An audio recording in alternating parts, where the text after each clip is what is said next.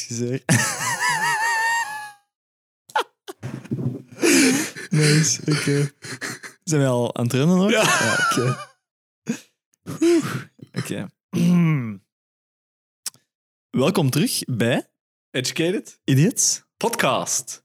Het is even, eh, ja, inderdaad, applaus. Het is even geleden. Voor mij dan toch? Ah, Niet voor u. voor mij is, eh, ja, ik, ik ben op vakantie gegaan. Dat mag al wel eens, hè. Dat is nodig. Het was nodig, Dat absoluut. Ja, die fucking podcast. nee, nee, eh, nee, nee, we doen dit echt kei graag. nee, we doen... Ja, Echt legit eigenlijk. ja Want het is echt zo, dat was zo... Maar ja, jij zo'n fucking podcast. dat is een mop, hè. Ah, oké. Oké. Nee, nee, eh, effectief. Ik, ehm, er zijn heel wat dingen waar ik niet per se naar uitkeek als ik terug naar, uit, naar huis kwam. Maar de podcast was wel een van, Ah, van de dingen waar ik wel Dat is wel goed. uitkeek. Dat is een goed dat teken, dat er toch zeker iets is. Ja, inderdaad. Eh, maar jij hebt ondertussen niet stilgezeten. Je Nee. hebt eh, een eh, guest host, twee guest hosts. superveel moeilijkheden. Ja, inderdaad, met een aantal technische Want, moeilijkheden. Eentje daarvan is ja, niet gelukt. Niet gelukt, ja. En, want ja, je zult ook wel gemerkt hebben dat als, je, als deze aflevering online komt, is er ook een aflevering 7, maar geen aflevering 6. dus dat wordt toch wel opgelost, maar dat is voor later. Ja, aflevering 6 komt eraan. Ja. Maar voor nu is het dus aflevering 8. Terug met de... eh, your- OG. De OG, your one and only. Eh, nee, absoluut. Met Pieter en Joffrey terug. Ehm, en we dachten, eh, om terug te komen, op het moment van opname is de wereld helemaal in de ban van de Olympische Spelen. Ja, correct. Ehm hangt ervan af hoe snel dat we dit editen, of dat die nog bezig zijn, tegen dat we dit online gooien. Nee. Waarschijnlijk niet. maar goed, ehm, mensen zijn er wel mee bezig. Yes. En we hadden een, een, wetenschap, allee, ja, een, een wetenschapsgerelateerd artikel gevonden over de Olympische Spelen, dat wij eigenlijk wel boeiend vonden. Ja, super er relevant even, dus. eh, ja, heel relevant. Ehm, In tegenstelling tot zo andere artikels dat zo een beetje ouder zijn. Ja, die iets vroeger ge- gekozen eh, werden. maar allee, we waren dan toch eerder dan de VRT. In Absoluut. de Witte Neushoorn. Ja, klopt, inderdaad. Ja, dus eh, we hebben een van onze eerste afleveringen ging over de witte neushoorn. Mhm. En de VRT heeft na onze podcast Ja. daar eh, iets over gepost. Dus, eh, Dus blijf hier voor al jullie primeurs. exact. Eh, nu, dit is wel al door de VRT. het artikel dat we nu gaan bespreken is wel al door de VRT gepost. En het heet ehm, Commotie in Tokio.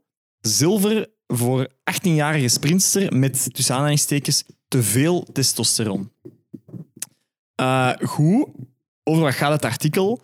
Zoals dat zegt, over een, eh, een sprinster, Christine Mboma, eh, die op de 200 meter sprint een zilveren medaille heeft eh, gehaald.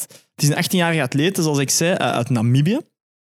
En die schijnt een te hoog testosterongehalte te hebben, waardoor dat er eigenlijk veel collega's van haar, dus ja, mede-atleten zijn, die dat eigenlijk oneerlijk vinden dat die Hmm. überhaupt mag meedoen en dat die eigenlijk over een oneerlijk voordeel zou beschikken.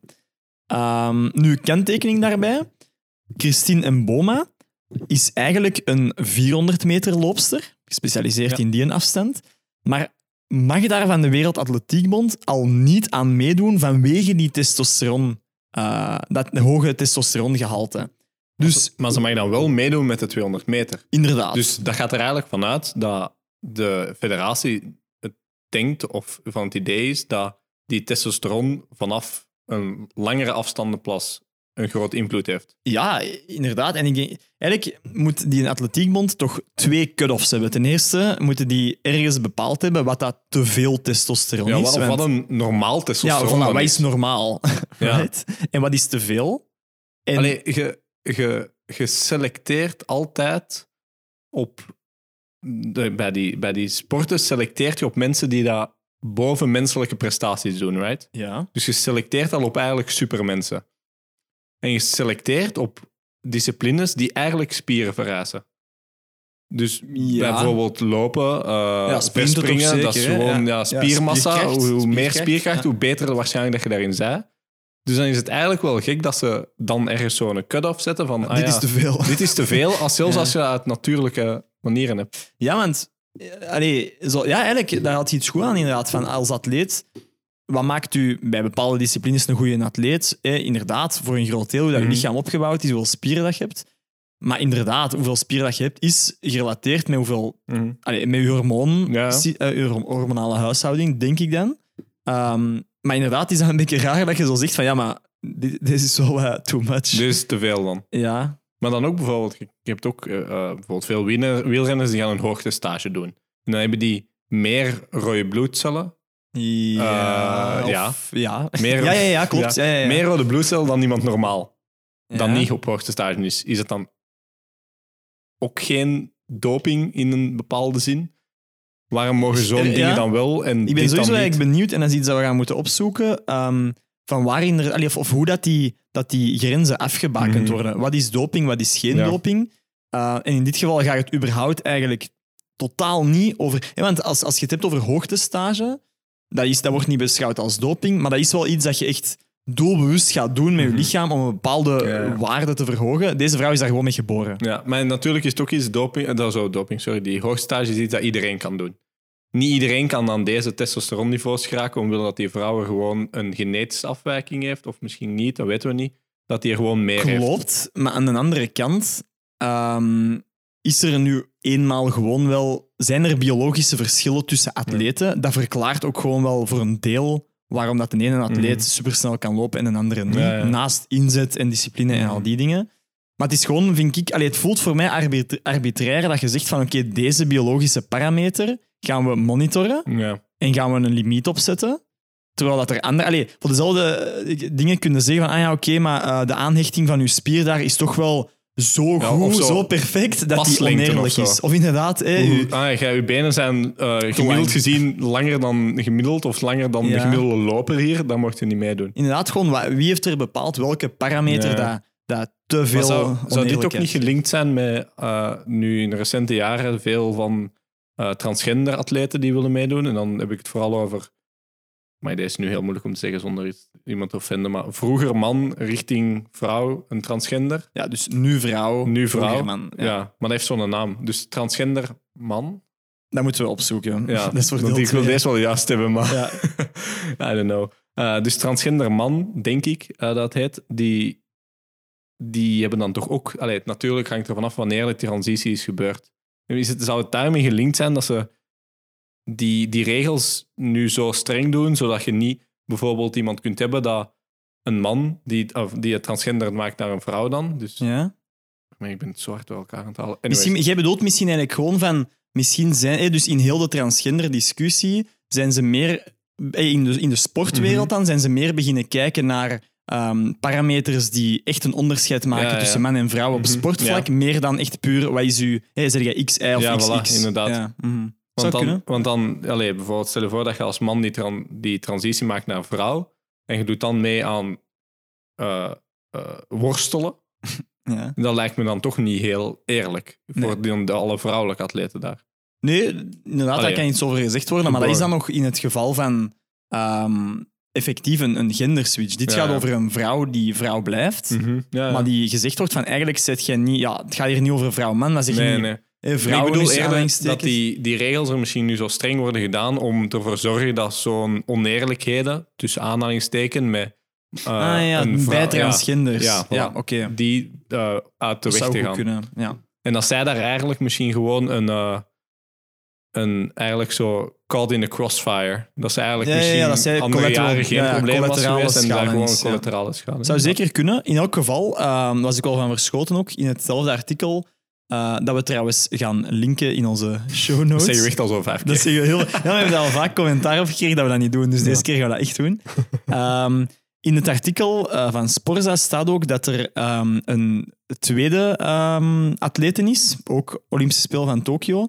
Tweevoudig Olympisch kampioene Caster Semenya van de 800 meter sprint, ehm, die ook tot die categorie behoort van wat dat ze noemen Mhm. hyperandrogene atleten. Hè, dus waarvan dat die eh, federatie dan gezegd heeft, jullie hebben te veel testosteron. Ehm, en die is er gewoon niet bij, omdat zij mag inderdaad ook niet meedeel, eh, meedoen aan eh, langere nummers dan de 200 meter. Waarom dat daar de de ligt, geen, geen idee. idee. Ehm, en voor die, die federatie zou ze enkel mogen meedoen als ze medicijnen slikt die haar testosterongehalte zou onderdrukken. Maar echt insane lijkt. wat dat zij dus weigert. Wat, ze, wat ik ook wel snap, want dat is eigenlijk gewoon reverse doping dat je dan neemt. Je mocht geen Voelt, doping hè? nemen, maar dan is zo'n, ah ja, maar je hebt eigenlijk van jezelf te veel, dus hier is een pilletje dat je minder hebt. Ja. Zo. Ik, ik, kan mij, ik, snap wel... Want ze hebben zelfs kunnen, allee, Ja. volgens mij kunnen ze aantonen of dat ergens iets natuurlijke testosteron is, of dat je gewoon bij hebt gespoten, laten we zeggen. Dus ze weten van die vrouw dat dat natuurlijk testosteron is. En dan is ook de vraag zo bijvoorbeeld Michael Phelps, die Mhm. dat het meeste gouden medailles ooit heeft op feit zwemmen. Ja, dat is, dat is een supermens, omdat die, zijn lichaam is gewoon gemaakt om te zwemmen. Die heeft kortere benen en langere armen dan normaal, waardoor dat die gemaakt is puur om te zwemmen en een brede kas. Moet je die dan eruit sluiten, omdat er misschien andere mensen zijn die niet zo perfect gemaakt is? Ja, ik, ik denk dat het allemaal neerkomt inderdaad op dat, hè, wat dat je nu zegt van... Allee, ik denk tot een, in een bepaalde trainingsmarge Mhm. eh, hangt heel veel af van hoe je inzet. Maar Ja. ik denk op dat wereldtopniveau, die mannen die sporten allemaal zoveel dat het denk ik terug voor een groot deel neerkomt op aangeboren talenten Talent, ja. ook wel. Mhm. En dat is gewoon zo, zoals dat jij zegt. Michael Phelps is geboren voor het zwemmen. Mhm. Ja, Deze vrouw is misschien gewoon ook geboren voor, het, het lopen. sprinten, Mhm. voor het lopen. Moet je die dan tegenhouden? Ja, omdat die te goed, ja, omdat die Mhm. te goed is. maar dan, het, ja. het is zo een heel... Ik vind het een heel rare discussie, die dingen. Want nu zijn er bijvoorbeeld, eh, of als ik me goed herinner, van die nieuwe schoenen uitgebracht, waardoor dat lopers... Ah, van Nike. van. Nike, dat is zoveel beter. Maar bijvoorbeeld, enkel Nike heeft dat. Dus als jij een loper bent dat gesponsord wordt door Puma, dan heb je die technologie niet. En dan Worden zeg je die dat trouw- ik, ik weet het niet, worden die gebruikt nu, die Eh, Nike-schoenen? Volgens mij eh, worden die gebruikt en zijn ze of, of die gaan in de toekomst gebruikt worden, dat moeten we zeker opzoeken. ja. Maar bijvoorbeeld, ik weet bijvoorbeeld dat Usain Bolt oprecht nu al bang is dat zijn record gewoon aan het diggelen wordt gelopen. door die Want- schoenen. Door die schoenen. En hij zei, als ik die schoenen heb, dan liep ik 9,50. Ah, ja. Oef, ja. Dus dat zijn, allee, bijvoorbeeld een, een aantal jaar geleden, ik weet niet dat Peking of Tokio eh, of, eh, of Londen was, waar dat ze eh, zwempakken hadden die dat precies zo haaien maar naboten. die zijn toen toch die zijn geband omdat geband die, geweest, omdat ja. die gewoon het, het oneerlijk, maar eigenlijk niet oneerlijk, want iedereen had die, maar omdat die niet meer puur om het zwemmen ging dan. Die, hielden er, die trokken er echt superveel Ja. seconden vanaf. Hetzelfde heb je toch ook, ehm, denk ik, gehad bij de vorige, vorige Olympische Spelen. Bij het, ehm, hoe heet die sport nu weer? Dat je, ah, ah, dat je zo in een baan gaat. Zo naar beneden. Nee, nee, nee, dat is echt totaal niet obscuur. Ik kan gewoon niet op de naam Een komen. baan naar beneden, maar bij de winterspelen. Ah, bij de winterspelen, mijn excuses. bij de winterspelen, zeg het eens. Eh bobsleeën. De bobslee. Of, Is het of ook zo eens een- lunges? Heb je nog zo... Echte bobsleeën. Oké. Eh, is er ook wel echt eens een keer zo'n technologische doorbraak geweest? Ik denk bij de vorige Spelen, waardoor dat sommige teams, zoals België, dacht ik, echt volledig niet meer mee konden, omdat die, die dat technologisch snufje België. niet hadden. Ja, ja. En dan is er niet zoiets als Cool Runnings, waar zo het team van Jamaica wint door zo in, whatever, in een badkuip te trainen. Voilà. Eh, maar in elk geval, inderdaad, ja, waar trekt je de lijn? Dat Ja. is denk ik een beetje Mhm. eh, de vraag. Eh, dus wat ik vooral in geïnteresseerd ben, ik denk jij ook dan wel voor allee, te onderzoeken nu en om in deel 2 te bespreken, zijn ehm, ten eerste wa- waarom die allee, fixatie Mhm. op testosteron van alle biologische parameters. Waarom mocht je die 200 meter wel doen en Ja. de andere niet? Dat vind ik ook zo random precies. Ehm, en in het algemeen ook Want gewoon het is wel hè? precies dan wel zo dat die, die ene, een Boma mocht dan niet meedoen met de 400 meter, maar haalt dan wel zilver op de 200 meter. Dus Ja. waarschijnlijk was dat, die federatie ook zo van, oh... Ja, ja, het staat hier ook in het artikel van, ja, dat ze Ja. nu in, hè, met zilver aan de haal ging Mhm. op de 200 meter sprint, ligt het dossier wel helemaal terug bovenaan de stapel. Maar ook het, eh. het, het krantartikel, misschien, allee, misschien lees ik daar te veel in, maar zo aan de haal gaan, lijkt dat hij dat echt wel zo een beetje gestolen heeft. ja, ja, ja. Right? Terwijl dat hij dat wel echt gelopen heeft. Sowieso is het wel, vind ik, erg stelgezet. Je moet die maar zijn. Hè? Ja, je hebt. Mhm. juist een Olympische medaille behaald. En alle krantenkoppen zijn zo aan het focussen op hoeveel testosteron dat je in je bloed hebt. Ja, Meer dan... Die vrouw heeft ook onwaarschijnlijk... Dat is haar leven Ja, waarschijnlijk. die- heeft daar keihard allee, voor getraind. Als En hij niet zo dan- getraind had, had hij dat nooit gelopen. Dus Voilà. dat is, allee, ja, qua sportmens is hij nog altijd een geweldig sportmens. Die heeft Ja. gewoon de chance dat ze Tussen dan... aanhalings... Ja, Ja. pff, tussen aanhalingstekens, ja. Ehm, Moeilijke kwestie. zeer moeilijke kwestie. Zwaar moeilijke kwestie. Dat we ongetwijfeld kei genuanceerd gaan bespreken. Ja, sowieso. Maar eh, wat ik eigenlijk En alle naast deze ook nog wel een beetje wil eh, onderzoeken, is überhaupt gewoon die eh, testosteron. En ook een beetje zo... Ja, gewoon ja, die fixatie dat we daar juist zeggen. Mhm. En wat doet dat effectief met je lichaam? Hoe komt het dat dat zo, zoveel... Maar dan, dan ah ja, dat wil ik ook wel doen. Zo moeten we dan inkijken naar zo van die voorbeelden, gelijk Armstrong, een bekende wielrenner die dat dan zes toerritten had, maar dat heel zijn leven gedopeerd had, of toch grotendeels daarvan. hoeveel meer, zou die zijn, hoeveel meer is zijn prestatie door het doping tegenover geen doping dan te zouden Mhm. genomen te hebben. Ja, Dus dan, dat, ik denk dat er voorbeelden genoeg zijn. Alleen bijvoorbeeld eh, Justin Gatlin, die heeft lange tijd geschorst geweest bij de 100 meter sprint, omdat die ook gedopeerd was. En dat zijn zo van die voorbeelden waar we kunnen bekijken van, hebben die daar echt heel veel voordelen uit gehaald? Eh, hoe onderzoeken ze dat? Dan lijkt me dat we daar wel redelijk uitgebreid in kunnen gaan. Oké, top. Dan eh, hebben we ons werk weer eh cut out. Eh, en dan kunnen jullie het resultaat daarvan binnen een paar seconden Ja. luisteren. Drie, twee, één. Bam. Beste luisteraars, godvergest. Ah, ik ging, ik ging beginnen. Maar ik dacht dat jij niet wist dat jij mocht beginnen. Ik dacht, jij werd zo stil de hele tijd. Ja, nee, ik had dat ding hier op start gedaan. Ik wou hier niet zeggen. Oh my god. Fucking goed. Oké. Mag ik terug beginnen? Ah, ja. Ja. Beste luisteraars, welkom terug bij deel 2 van de podcast. We gaan het hebben over gender, transgenders, testosteron, sport. Maar ik dacht echt dat jij Ah. een compleet ander onderwerp ging beginnen. Nee, nee. nee, nee oké. Eh, dus eigenlijk over heel wat moeilijke, moeilijke topics. Ehm, maar misschien moeten we, zoals altijd, even uitzoomen en kijken naar de bigger picture. We hebben het hier over vrouwelijke atleten die getest worden voor hun testosteronniveaus eh, om, om eh, te kunnen meedoen aan bepaalde disciplines. Maar hoe zijn we eigenlijk tot hier gekomen? Hoe zijn de Olympische Spelen ooit begonnen met testosterontesting? Dus eh, we zijn een beetje gaan graven. En ehm, blijkt dat het issue van is een vrouw wel echt een vrouw in sport eigenlijk al super lang een ding is. Ehm, in 1936 al was het. Dat is echt veel eerder dan ik had gedacht. Ja, ja 1936, dus dat is pittig lang geleden. Ja, inderdaad. Eh, bijna 100 jaar geleden, was de toenmalige voorzitter van de Amerikaanse, eh, Olymp- het Amerikaanse Olympisch Comité. eh, was eigenlijk verbaasd, dat was het, verbaasd met de prestaties van twee vrouwelijke atleten. Die net zoiets zijn, deze kan niet. Oh, no, no, Ja, no, was no, no. Natuurlijk een man. Ja, en dat was Dus, natuurlijk de jaren 30. Ja, ja, de jaren 30, een man, eh, een American. En die had zoiets van, deze is toch wel raar. Ehm, moeten we niet een systeem bedenken om eh, systematisch te gaan onderzoeken dat vrouwen wel eh, vrouwen zijn? Dat heeft dan nog tot 1950 geduurd, eer dat hij zijn aanbevelingen effectief. Zijn wensen, eh, effectief ehm, dat daar gehoor naar was. En in 1950, in of all places, ehm, voor het Europees kampioenschap in België, het atletisch, eh, eh, atletiekkampioenschap in België toen, hebben ze de allereerste ehm, geslachtsverificatietesten ingevoerd. Zoals dat, dat dan heeft echt mooi... een, dat heeft echt een sexual harassment kantje. ja, ja, ja, maar... Dat is zo, die doet is zo van, oh, we moeten weten dat die vrouwen echt wel vrouwen zijn. Ja, maar Dat is echt heel wait, vies. wait for Oh, it. shit. Hoe hebben ze dat toen gedaan? Eh, van testosteronlevel testing en zelfs chromosoomtesting was toen nog geen sprake. Dus wat hadden ze at their disposal? Fysieke onderzoeken. Oh my god. Effectief. Ah. Ehm, dus hoe moeten we dat dan zien in de praktijk?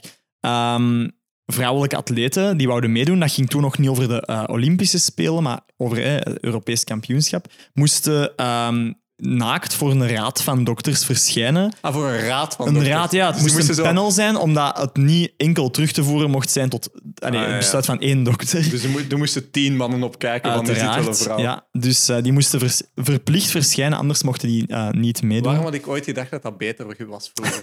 dat is echt sowieso bullshit. Nee, nee, Oh vroeger God. is niet always better.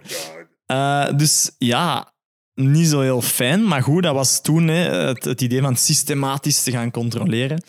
Ehm, en in 1968 is dan, eh, zijn de Olympische Spelen dan gevolgd met het idee van we moeten vrouwen gaan, eh, gaan testen. Ehm, maar die, zijn dan, die hebben ook ehm, chromosoomtesting ingevoerd. Dus dat werd toen bekeken als een iets betrouwbare manier. En we gaan kijken of dat...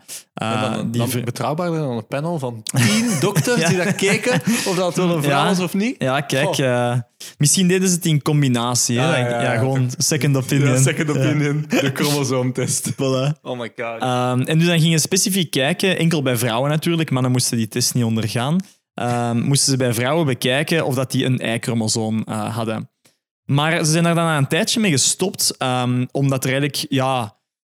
Je hebt heel veel ook bijvoorbeeld intersex mensen die bijvoorbeeld XXI hebben, Ja, ja. al die dingen. Wat doe je daar dan mee? maar zijn die, zijn die allee, hoe dat ik het me herinner, mensen dat zo'n afwijkende chromosoom hebben, eh, bijvoorbeeld XXI, zijn die dan ehm, lichamelijk sterk genoeg om de- deel te nemen aan zulke sporten? Hoe, hoe dat ik me inbeeld, dat waren dat vaak eh, fenotypes, of, of dan had hij die uiterlijke kenmerken die vaker eh, moeilijker waren om dan goed te kunnen sporten. naar een, bijvoorbeeld een gebogen rug of zo, had, had, ik me goed Wel, het gaat in dit geval denk ik vooral over, ehm, dat heb ik niet super hard opgezocht, maar ehm, er is een bepaald gen, ik denk het SRI-gen, eh, dat normaal op het Y-chromosoom ligt en dat eigenlijk voor een groot deel het mannelijk fenotype eh, mee vorm geeft. Maar dat SRI-gen ehm, kan soms verspringen naar een ander chromosoom. En in dat geval is het de simpele aanwezigheid van het Y-chromosoom eigenlijk niet voldoende om mannelijkheid te kunnen aantonen. Ah, ja, Omdat dat SR-eigen bijvoorbeeld gewoon simpelweg versprongen kan zijn. Ja. Dat is dan niet echt een, inderdaad, niet XXI of iets anders, maar dat is eigenlijk gewoon wel een, een, een mannelijk fenotype dat niet echt past bij wat dat we typisch zouden verwachten van die chromosomen. Ehm, in elk geval, ze zijn daar dan ehm, ja, mee gestopt. Ten eerste vanwege dat dat toch allemaal niet zo duidelijk was. En ten tweede omdat duidelijk werd dat de psychologische implicaties van vrouwen tot zo'n test te dwingen best wel enorm kunnen zijn. Want stel, je bent een vrouw, je weet typisch ook niet dat je dat probleem hebt. Je bent gewoon een goede atleet. Ja, inderdaad. Je wilt meedoen aan de Olympische Spelen, het mooiste moment van je leven. Je wordt gedwongen tot zo'n test en daar komt uit dat jij dan nog eens genetisch gezien eigenlijk geen, tussen aanhalingstekens, echte vrouw zij. Ik kan me inbeelden dat... hadden meer een probleem met die chromosoomtest dan met die test voor tien dokters. Nee, nee, ik denk, Dat was ons beide ik waarschijnlijk. denk beide. Oké, oh my god. Ik ben Maar zo dus, eh, teleurgesteld in de fucking geschiedenis altijd. Maar eh, in elk geval, de allerlaatste tests, ehm, gewoon überhaupt fysiek of chromosomaal, werden uitgevoerd tijdens de Olympische Spelen van 1996. Dus dat had eigenlijk het einde van het verhaal kunnen zijn. heeft wel lang geduurd eigenlijk nog. En ik gok dan ook dat die laatste test er was omdat we veel snellere en gemakkelijker methodes hadden om doping, om testosteron misbruik Nee, aan ze zijn te gewoon absoluut gewoon gestopt. gestopt. Volledig gestopt. Nee. Ehm, de deur dichtgegooid, er is een resolutie gekomen van de Olympische Spelen en die hebben gezegd van we doen dit niet meer vanwege alle negatieve, eh, na- eh, ja, negatieve bijeffecten. Ah ja, want in, in, eh, wat ik had opgezocht is dat in 1999 pas de eerste World Anti-Doping Association is gesticht. Als onderdeel van de Olympische Spelen. Dus dat is pas in 1999 dat dat dan pas. Dus eigenlijk is er nog, dan nog drie jaar tussen, tussen gewoon daarmee stoppen dat er vrouwen zijn, vooraleer dat eigenlijk ook al überhaupt mannen echt... Allee, ze, ze hadden wel banned substances, maar toen was pas er echt een... Ja, het was gewoon een globaal probleem om dat tijdstip doping. Ja, maar daarover later meer. Oké, ça va. Dus inderdaad, drie jaar daartussen. Ehm 1999 is dan inderdaad geen ban op doping. En dan gaan we Ja, even... nee, dat Ja, was al eerder een eh, ban op doping. ja, Dat was een, een, een, eh, eigenlijk een oprichting van een associatie Oké, tegen... anti-doping ja, associatie. fund, whatever. Want Ja. tegen dan had basically elke atleet wel een naald in zijn gat. Ja, ja. Dat is echt ridiculous. Ah ja, oké. Ja, ja, we komen daar zometeen later op terug. Maar holy fuck. Ehm, maar dan gaan we even een sprong maken, tien jaar later. Dus eigenlijk is er dan eh tien, allez, eh, tien, dertien jaar niet echt iets ehm, van sekstesting gebeurd. Maar dan gaan we naar 2009. Ehm, en dan was er ineens een gigantische controverse rond de eh, Zuid-Afrikaanse atlete, ik ga het waarschijnlijk weer fout zeggen, Caster Semenya.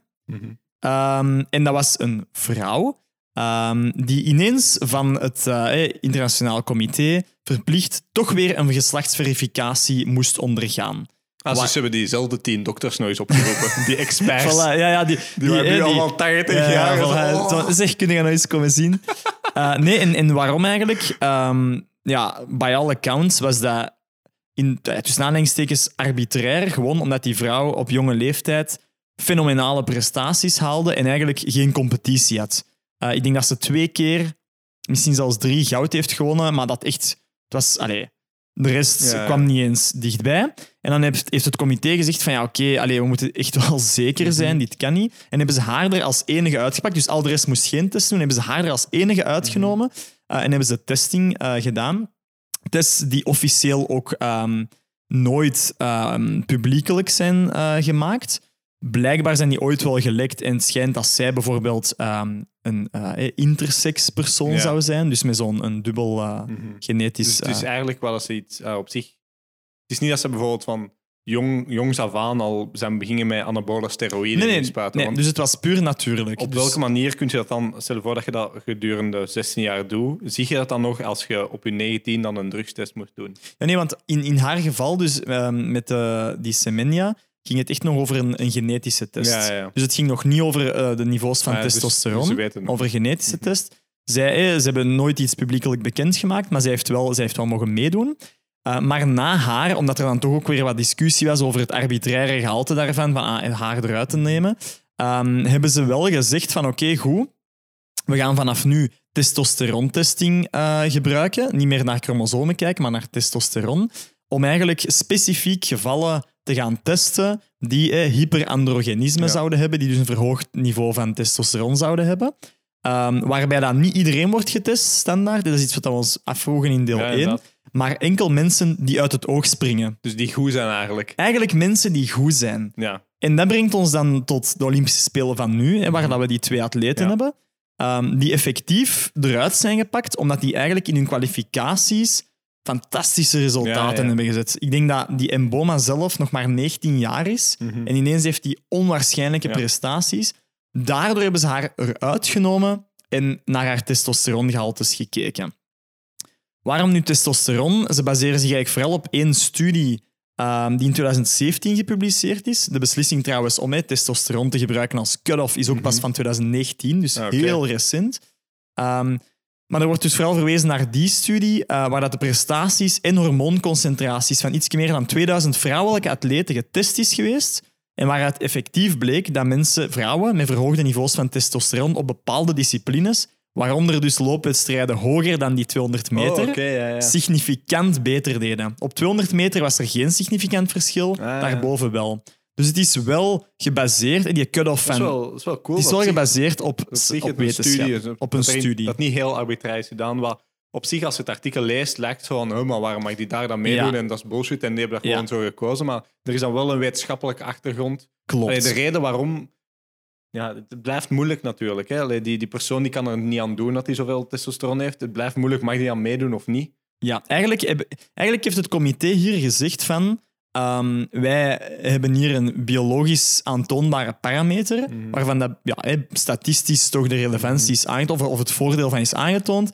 En ehm, daar moet voor gecompenseerd worden. Maar ik denk dan persoonlijk, maar dat is mijn mening ehm, of mijn bedenking, je kunt sowieso toch nog andere parameters zoeken. Misschien is er wel een trend te zoeken in, ah, bij het hoogspringen zijn ehm, mensen die, hè, vrouwen die hoger zijn dan een meter 80, Ja. hebben een statistisch voordeel. Dat is misschien ook hè, te, te vinden. Maar ja, moet je die dan disqualificeren omdat die weer een, bio- een biologisch Ja, ja, voordeel hebben? Ja, tuurlijk. Ik vind dat een moeilijke. Hoe dan ook hebben ze dus vanaf 2019 voor zowel transgender vrouwen als cisgender vrouwen een limiet van 5 nanomol per liter testosteron.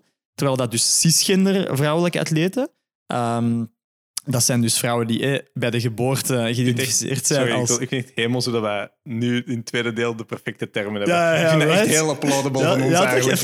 even? Echt, did it. Ehm, maar dus cisgender vrouwelijke atleten, vrouwen die eh, van bij de geboorte geïdentificeerd zijn als vrouw, eh, die hebben meestal testosteronlevels tussen de 0,12 en 1,79. Dus dat is toch wel ja, een factor 5 verschil Ja, ja, ten opzichte van die, die cut-off.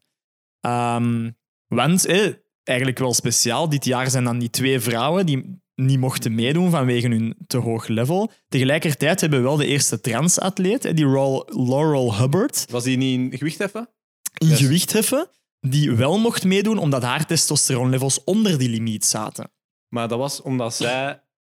Had zij wanneer had zij nu... Was dat niet om- omwille van wanneer dat zij die sex change had gedaan?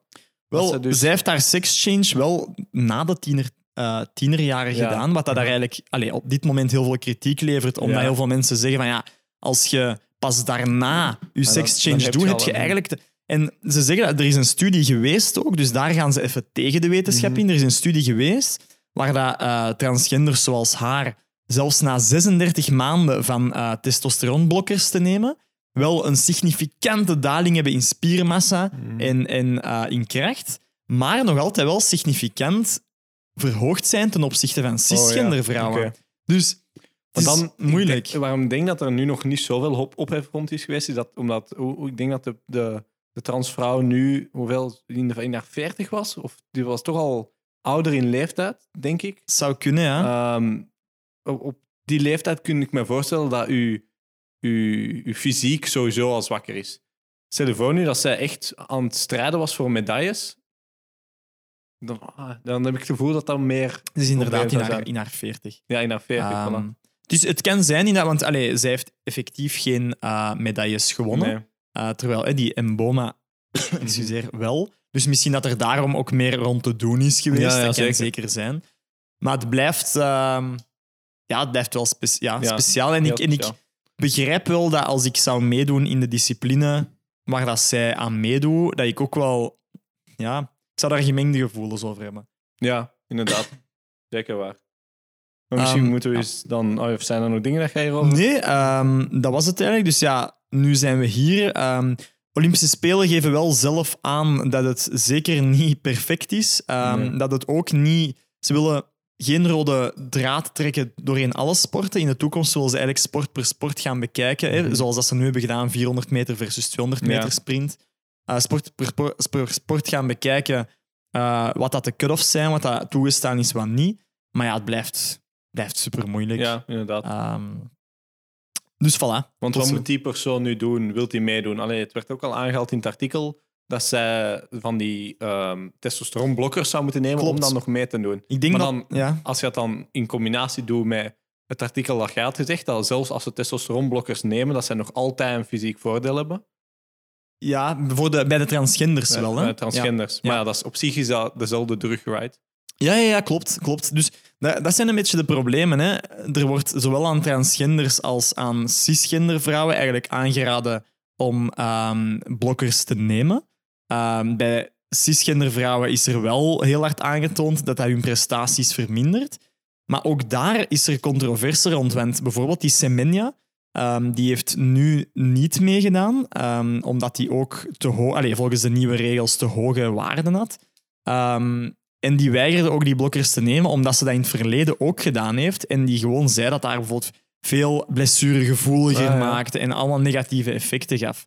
Ehm, dus, plus er zijn ook mensen die zeggen van ja, is dat op een bepaalde manier ook niet doping? Want we definiëren doping altijd als het innemen van elke stof die ons lichaam niet aanmaakt. Ja, daar ik een, eh, een goede definitie voor doping eigenlijk. Oké.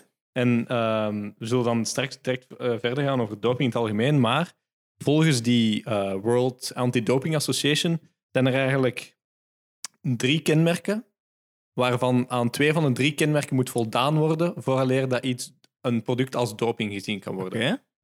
Het eerste kenmerk is dat het eh, prestatiebevorderend is, de drug dat je neemt, Ja. wat logisch is. Het tweede kenmerk is, en dat vind ik heel belangrijk en heel interessant ook, is dat, eh, is dat de drug ook mogelijk schadelijk voor de gezondheid kan zijn. Oh, wauw. Dan, dan moet... Dat dus, stel je voor dat, en, en wacht, ik zal eerst het derde. Het derde kenmerk is dat het in, in strijd is met de spirit of the sport. Dus dat zijn drie kenmerken. En dan, om, aan een, om een middel of een drug als doping geclassificeerd te worden, moet het aan twee van die drie voldaan. Ah, ja, ja. Voldoen. Oké. Dus bijvoorbeeld, stel je voor dat een drug prestatiebevorderend is Ja. en negatieve gezondheidseffecten heeft. Wat bijvoorbeeld alles is van testosteron tot eh, steroïden tot eh, andere, bijvoorbeeld eh, EPO, wat ook een heel bekende doping Juist. eh, drug is. Die zijn bijna allemaal schadelijk voor de gezondheid en prestatiebevorderend.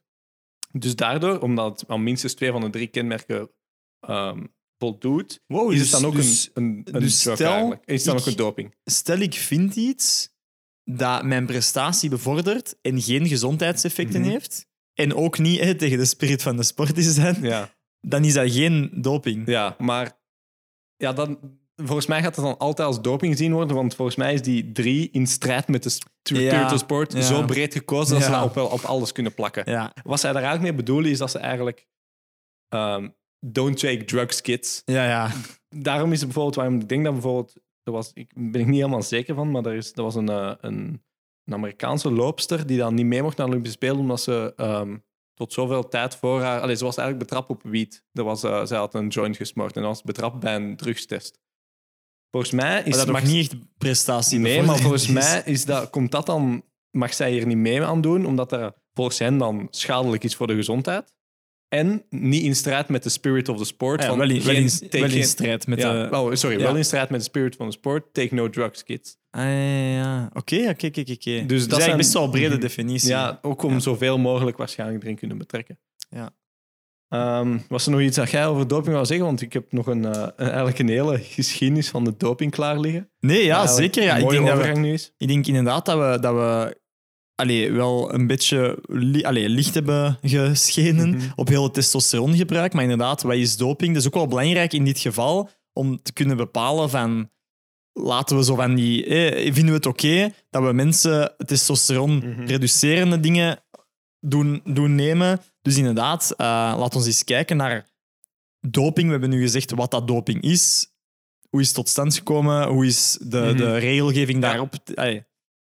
Ja, dus eh, eigenlijk, allee, om, om- ik heb het dan wat meer over doping op zich opgezocht, wat ik eigenlijk heel interessant vond, omdat ja, er zijn zoveel manieren om aan doping te kunnen doen en er zijn zoveel waanzinverhalen van vroeger eigenlijk, dat ik echt... Nice. eh, ja, eh, bijvoorbeeld, ehm, allee, ik heb eigenlijk twee leuke feiten, allee, leuke feiten, nogal gekke feiten om het mee te beginnen. De eerste is dat in, dat, in 1969 door een, een quote van een Amerikaanse coach is anabolic steroids were referred to as the breakfast of champions. Nice. dus allee, dit is 1969, hè, dus op dat moment is dat nog allee, wijd verspreid. Iedereen doet dat. Dat was echt gewoon standaard. Van, je doet aan sport, je neemt fucking Ja, ja, steroids. dat is Ah, ja. echt heel standaard. Maar dan, again, die steroids hebben wel allee, de ge- de gevaren voor de gezondheid. Heb je dat opgezocht toevallig, Ja. wat dat de gevaren Ehm, zijn? Bijvoorbeeld, ehm, dus eh, eigenlijk was de. Maar ik zal even de. ah ja, we zullen beginnen met die, die gevaren bijvoorbeeld. En dat zijn heel bekend rond. Het geval is eh, Oost-Duitse teams. Die waren dan deel van eh, de Sovjet-Unie op dat Ja. moment nog. Eh, die waren eigenlijk op heel jonge leeftijd beginnen met vrouwen anabole steroïden te geven. Om die sterkere sportsters te maken. Oh, wauw. Maar dat zijn echt. Maar dat was dus natuurlijk in een periode dat dat nog eh, mocht. Dan, zo ja, gezegd, mocht, hè, ik, mocht tot tussen aanhalingstekens. eh, Ja. En ze wisten, konden het gewoon ook vaak niet achterhalen. Ah, ja, ja. Uh, eigenlijk moest je er basically mee in je handen betrapt worden voor alleen dat je het wist. Zo, van, Zo ah, vlak voor je wedstrijd ja. even zo je laatste naald zo, steken. ah, nee, dat is gewoon een zoutoplossing hoor. Ja. Uh, maar dus ze, ze denken duizenden sportsters dat zo gewoon op anabole steroïden kuren werden gezet van jarenlang. En, van nu zijn daar af aan dus ook. jongs af aan. En nu zijn daar heel veel gevallen van geweten die dat onvruchtbaar zijn geworden, vroeg gestorven, hartproblemen hebben gekregen en eh, gewoon kanker zelfs hebben gekregen Oh, om wauw. die, die, die dingen te overgebruiken. Wat dus eh, eigenlijk, ja, een gekke...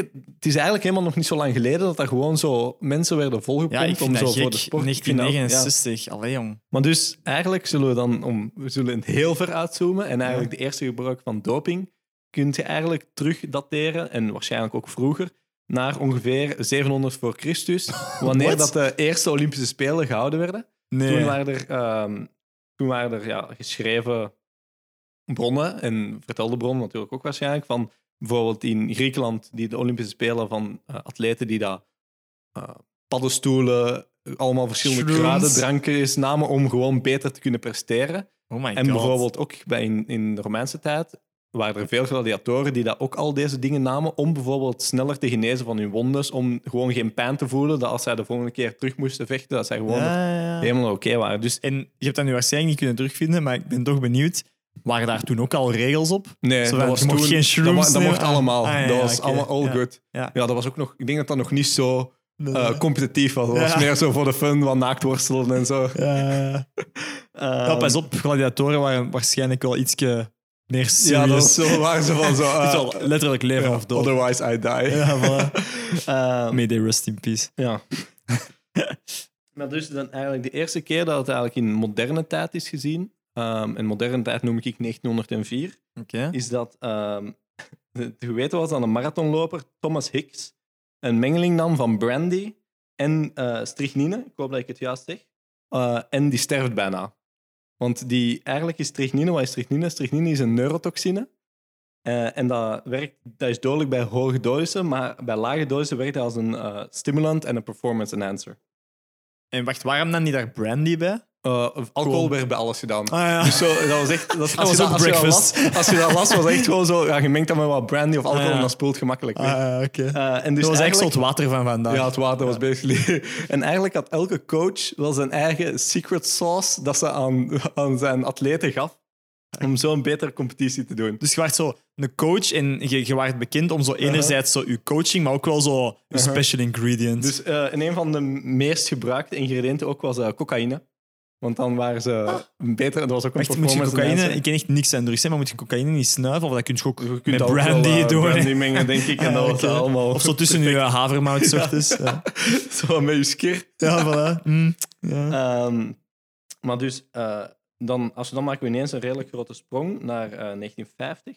En 1950 is redelijk belangrijk, omdat dat dan eigenlijk, zoals ik al zei, de eerste hormonale dopering was. Door dan de Sovjet-Unie, Oost-Duitsland met vrouwelijke, ehm, vrouwelijke atleten. By the way, om daar even op in te pikken, het is interessant, want in 1950, hè, dus bij die, eh, wat ik daar straks zei, die eerste verificatietesten van geslachten, eh, dat was eigenlijk ook omdat ze hier in het Westen ehm schrik hadden Ja. dat ze in Rusland, alleen in de Sovjet-Unie, eigenlijk vrouwen ehm, hadden, ja, tussen aanhalingstekens, alleen mannen, sorry, tussen aanhalingstekens omgevormd tot vrouwen met eh, ja, andere hormonen en whatever, Mhm.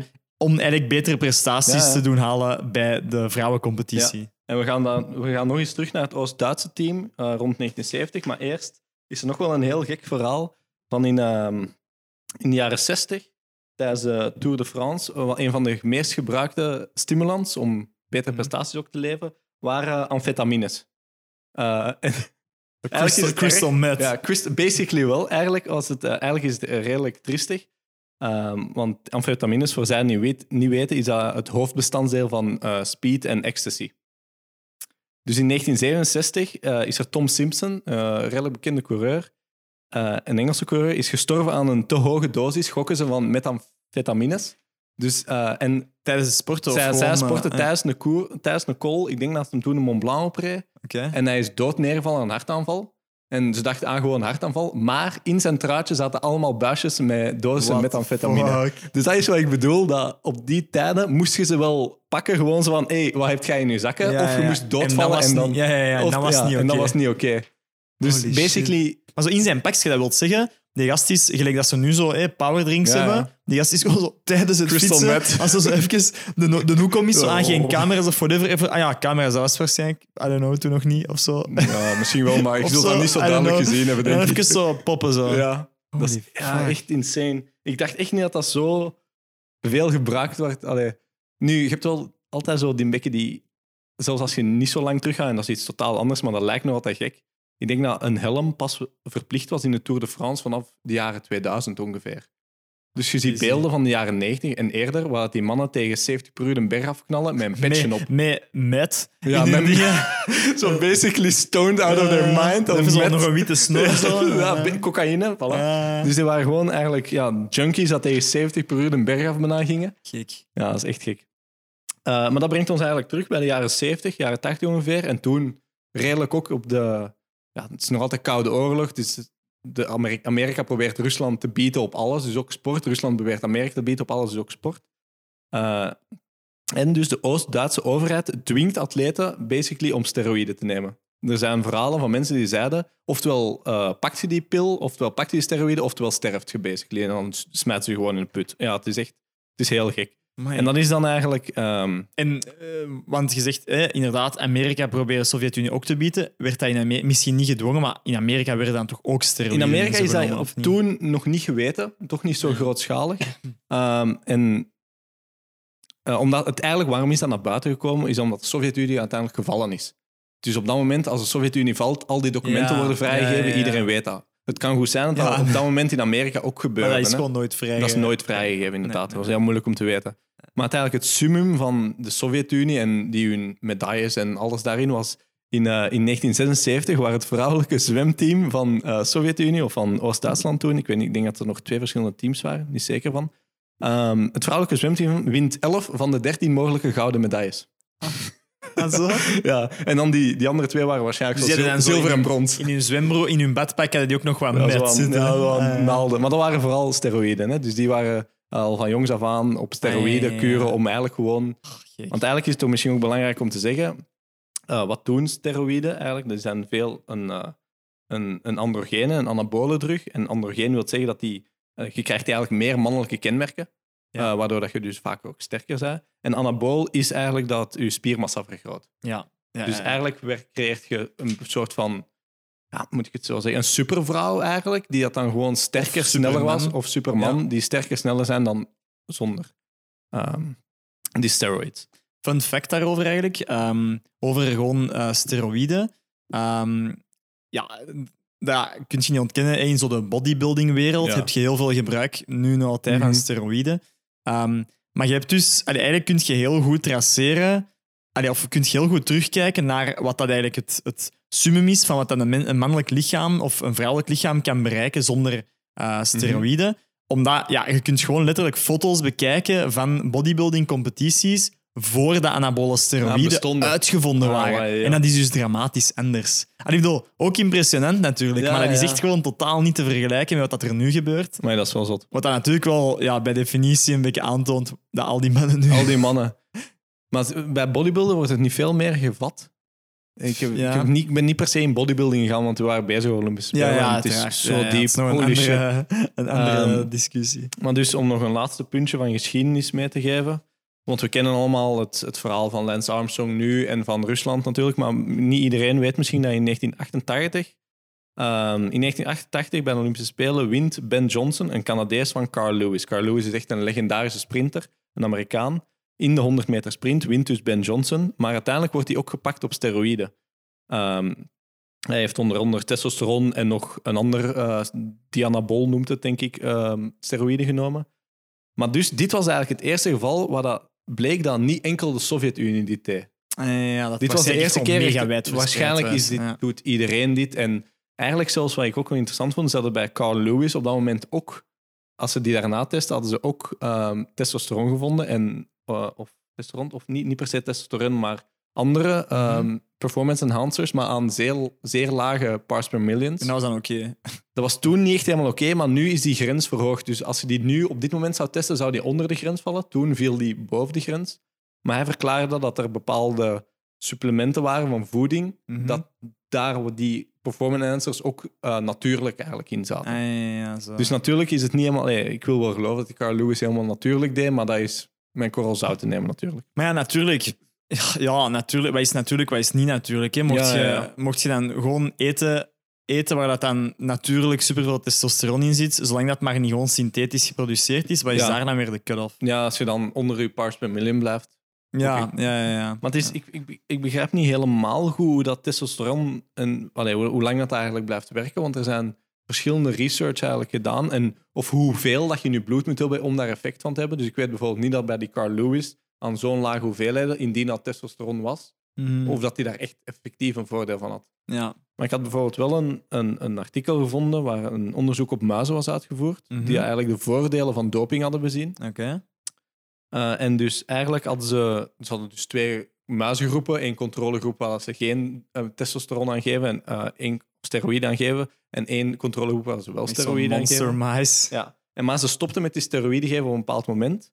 Eh, maar dan, zelfs na een jaar of na lang, of zes maanden denk ik, na stoppen met die steroïden, laten ze die nog eens exercise doen, die muizen, de twee Mhm. groepen. En ze zagen dat in de muizengroep die ooit eh steroïden heeft gekregen, zagen ze dat die hun spieren 30% groter werden en in die controlegroep Dus maar eigenlijk gewoon 6%. Het ooit genomen hebben van steroïden Mhm. is eigenlijk al genoeg Om, er- om later... om bijna later levenslang een effect van te hebben. Wat eigenlijk wel gek is, want in mijn hoofd testen ze vaak gewoon voor de concentratie Mhm. nu in je bloed. Ja, ja. Maar stel je zegt van whatever, op mijn 18 of zo neem ik even steroïden Ja. en op mijn 24 doe ik mee aan een sportcompetitie, Mhm. heb je nog altijd een voordeel van toen. Dit is bij één muizen artikel natuurlijk, bij ja. maar muizen, maar de, de researchers hier dachten ook wel, of zijn er nu voor, om te kijken naar eigenlijk levenslange bands als je Mhm. gevat wordt met steroïden. Gewoon Omdat je gewoon, blijkt ja. dat je altijd effecten blijft tellen. Wat altijd dat, to be fair, ook wel... Ja, allee, het is hard, maar ik snap, allee, ik snap Ja, het ook ja. wel ergens. Want ja, zoals ik zei, er bestaan gewoon nog ook veel andere manieren van doping. Hè. En een manier die ik had gevonden, een beetje misschien een onbekender manier, het was al sinds onbekend voor mij, is eigenlijk bloeddoping. Eh, en één vorm daarvan is eigenlijk zeer moeilijk te ontdekken, omdat Mhm. wat je doet is, zes maanden voor je sportwedstrijd tapt je bloed af van je eigen. Stockeert dat. Ha- allee, je stockeert, wacht. Je, je scheidt je rode bloedcellen van je plasma, dus je blijft enkel met je rode bloedcellen over. Ja. En dan, tien minuten voor je wedstrijd, of een uur voor je wedstrijd, spuit je al die rode bloedcellen terug in. In de tussentijd heeft je lijf eigenlijk al die verloren rode bloedcellen terug aangemaakt. Waardoor dat je opeens Echt een gigantische... voorde- een ge- voordeel hebt aan hoeveel rode bloedcellen je hebt. Dat En het punt- crazy. Het punt dat je dat niet kunt zien, is dat allemaal li- lichaams-eigen cellen zijn. Allee, jong. Maar dus, het, is wel echt... Allee, buiten dat dat fucked up is, is dat wel echt geniaal. ja, maar de- het, het is ook doping, want er zit ook een, een gevaarlijk eh, aspect aan. Je, eigenlijk gaat je bloed veel meer viskeuzer zijn, waardoor dat je, je bloeddruk gaat stijgen en dat je hart veel En meer moeite moet het doen is om rond te performance pompen. enhancing en het is tegen de spirit van de sport. Ja, dus dus doping. Maar wow. Ja, ze zijn nu wel bezig met eh, een, een soort van research-technologie te ontwikkelen om dit ook te vinden, omdat het Ja, zo moeilijk ja, is. ja. Het zijn lichaams-eigen cellen, je meet dat niet. Dat is niet dat je een of andere gekke stof in je bloed hebt. Maar ze- wat ze willen doen, en ik vond het wel heel cool als bio-ingenieur, is dat ze eigenlijk een, ehm, via next-gen sequencing, dus ze gaan allemaal kijken naar eh, RNA, Ja. en dus messenger RNA, en zien welke genen geactiveerd zijn. En dus ze hebben eigenlijk een fingerprint van wat er gebeurt als je die rode bloedcellen terug inspuit. Ja. En als je die genen opgereguleerd ziet, als die genen Ah, dus meer actief zijn, dan kun je eigenlijk zwart op wit zeggen van jij hebt Dat dat is eigenlijk gedaan. echt gewoon een, een high-tech battle tussen de Maar- dopers Mhm. en de antidopers. Om, eh, Dat is eigenlijk, eigenlijk wil ik het, kan ik het hoe vergelijken met zo de antibiotica-strijd. ja, Allee, je doet iets om het, om het tegen te gaan en Maar- eigenlijk als, als reactie is er een soort van eh, mutatie in de dopingwereld. bent en altijd die, eh, één stap achter. ja, Als ja, antidoper zeg je altijd één stap achter. Er is altijd wel iets nieuws dat ze vinden en dan moet jij daar iets vinden om dat te kunnen detecteren. Er is geen manier om alles te detecteren. Nee. Dat maakt het wel heel moeilijk, denk ik, om hier sterke regulatie Maar op te krijgen. ehm, slagen ze... Allee, wat ik had gelezen, eh, is dat ze, omdat ze dat weten, dat ze altijd te laat zijn, dat ze wel bloed opslagen van atleten Ja, die ze met correct. nieuwe technologieën Correct. achteraf terugtesten Correct. om wel eventuele medailles terug af te nemen. Ze hebben een, eh, doen, ik denk dat ze een, een bloedpaspoort noemen. Ja. Dus van alle atleten hebben ze die bloedstalen Van elke gevriesd door- allee, van min 80 ja. gezet en dan kunnen ze die later nog gebruiken. En dat zie je ook in eh, hoeveel gevallen dat ze vangen. Daarna zie je die nog altijd stijgen en mensen verliezen gewoon hun medailles. Gewoon, ze, ze ontdekken een nieuwe methode om te traceren Exact. en ineens is het eh, teruggeven, Exact. teruggeven. Ja. Ik denk dat dat ook gebeurd is met bijvoorbeeld die, eh, de Belgische 4x100 bij de vrouwen. Die Ja? hadden toen in Peking. Ik denk in Peking hadden die zilver. Mhm. Maar wat bleek dat het Russisch team dat eerst was, doping had genomen, wat bleek later. Dus die hebben uiteindelijk gouden medaille gekregen. Ja, Maar die hebben dus niet op de Olympische Spelen zelf een Wat wel gouden echt medaille erg is, gekregen. hè? Wat Ja. op zich erg is, maar, Maar oké, ja. ik heb natuurlijk altijd wel een gouden medaille. Eh, en dan om af te sluiten, is, vond ik dit een heel interessant, ehm, een heel interessant weetje eigenlijk. En, eh, het is ook een heel interessant feit, laten we zo zeggen. In 2011 op de World Games van Athletics, dat is dus de wereldkampioenschappen, hadden ze eigenlijk aan 1200 atleten een anonieme vragenlijst laten invullen. En de cijfers dat je vindt zijn, variëren nogal tussen Mhm. bronnen. Maar eh, de vraag was heel duidelijk: Did you use performance-enhancing drugs in the last year? Mhm. Hoeveel procent denkt je dat ja heeft geantwoord? Het is een anonieme test. Hè? Anon- ja, ja, dus ze wisten Mhm. echt wel zeker, dit komt nooit... eh, En wacht, misschien om het misschien wat gemakkelijker te maken, eh, ook heel belangrijk, bij het percentage van testen dat positief test is 1 tot 2 procent. Hoeveel ja. procent denkt je dat ja antwoordt op de vraag Did you use performance-enhancing drugs Ja, in the 1 last tot 2 year? procent is echt getest. 1 procent is Eh, positief. is, is positief getest. Dus stel dan nog dat, je, dat, maar, dat maar 10% van de gevallen ontdekt wordt, dan komen we op 10, kan nooit zeggen, dan ga ik verdubbelen, 20%. Rond de 44 procent heeft ja geantwoord. En ze vinden 1 tot 2 procent van de gevallen. Oef. Wauw. Dus dat wil wel zeggen hoe dat zelfs nu, of ja, ik, ik gok, nu weet ik het niet, het is van 2011 natuurlijk, hoe dat dan nog altijd heel hard aanwezig is, ook al is het 12 jaar na het oprichting van die World Anti-Doping Association, de Wat WADA. dat, en dan om de cirkel rond te maken, wat wel echt moet sukken eigenlijk. Stel, je bent een vrouw, je bent een fucking goede loper, je doet mee aan de Olympische Spelen, je mag niet meedoen omdat je natuurlijk een bepaalde waarde te hoog hebt. En dan weet je dat 44% Pakt. van de andere atleten effectieve doping is aan het gebruiken. Ja. Zwaar, hè? I would be pissed off. Ja, ik denk het ook. Amai, ja. Ja. Ik denk dat, eh, dat we dan zo wat rond zijn met ons verhaal. Het is Absoluut. alleszins- ja, ik, vind, ik vond het echt Een gekke wereld. Ja, gekke wereld. Ik vond de geschiedenis opzoeken echt super cool, omdat ik had niet verwacht dat er zoveel crazy verhalen zijn. Ja, van, die, dat van, van... die, van die dudes die in de, tijdens de Tour de France doodvallen met, met, dan, met, dan, met dan vitamines. Met dan, Met amphetamines. Ja, Ja, met ik kan makkelijker zeggen in ja, met Eh, amphetamines in zijn zak. Vind ik Ja, echt compleet insane. gek. En ik weet niet waarom, maar ik ben ook zo echt wel meer in shock dat hij zo brandy of alcohol gebruikte voor alles en dat hij daar drugs in deed. Ik weet niet waarom. Ja, maar dat is gewoon... maar gewoon zo, ja, use brandy. Maar dat is echt... Ja, nine- zo, de 20e eeuw en de 19e eeuw zijn echt fucked up tijden eigenlijk. ja. Dat is zo, je hebt zo, begint al zo wat technologie te komen, maar niemand gebruikt die echt om iets deftig te doen. ja, en daarom zitten we nu altijd te zeiken over zo'n nieuwe technologieën en we moeten daar eh, veilig mee omspringen en zo. Sure, Sure. maar kijk eens naar wat we allemaal Ja. gedaan hebben eigenlijk. Echt- ja, het is nu al sinds toch wel beter in dat, op dat opzicht. Op dat opzicht, eh Maar definite Om improvement. daar nog snel even terug te komen, ehm waar ze nu heel bang voor zijn, is eh gene doping. CRISPR. Yes, CRISPR en zelfs ja, eerder ook gewoon al met virale vectoren. Zelfs, allee, dan denk ik aan, stel je voor, en ik kan nu een heel stereotyp land kiezen, Ja. Amerika, China of Sovjet-Unie, diegene, of, ja, of sorry, Rusland, die Ja. dat de meeste medailles altijd winnen. Stel je voor dat die de ultieme sportman creëren. Ja, dan krijg je die in vitro een baby die alle goede aspecten heeft. Hè. Nu, daar kunnen op zich wel mee allee, tegen controleren op dezelfde manier dat ze nu controleren op die vrouwen. Hè? Ik bedoel, Ja, maar dan stel zou je dat al- die mensen gewoon van bij de geboorte keihard testosteron hebben, dan kun je dat gewoon ook weer waar. een limiet opzetten bij de mannen dan. Dat Wat dan nu niet het geval Mhm. is, maar, Dat is waar. maar dan gaan we sowieso in de toekomst nog wel iets zien. Sowieso, dat gaat sowieso nog terugkomen. Sowieso. En on that happy note Yes, maar kunnen we afsluiten. Boeiende discussie. inderdaad. Ehm, en we zien jullie volgende week terug voor meer Educated Idiots. Podcast. En een eh nieuw guest host. Inderdaad. Oh, volgende week. Waarschijnlijk niet volgende week, right? Er gaat inderdaad eh, een gap zijn van een weekje weer al. eh, blijkt dat de zomervakantie toch moeilijk is om onze consistentie van één En keer tot- per week En vol tot te we houden. die, die Spotify-deal niet binnen hebben, moeten we nog altijd onze dayjob ook wel doen. Voilà, dus, maar moet any minute now binnen, Any minute now. Eh, goed, tot volgende keer. Ja. Merci voor het luisteren. Bye bye. Ciao, guys.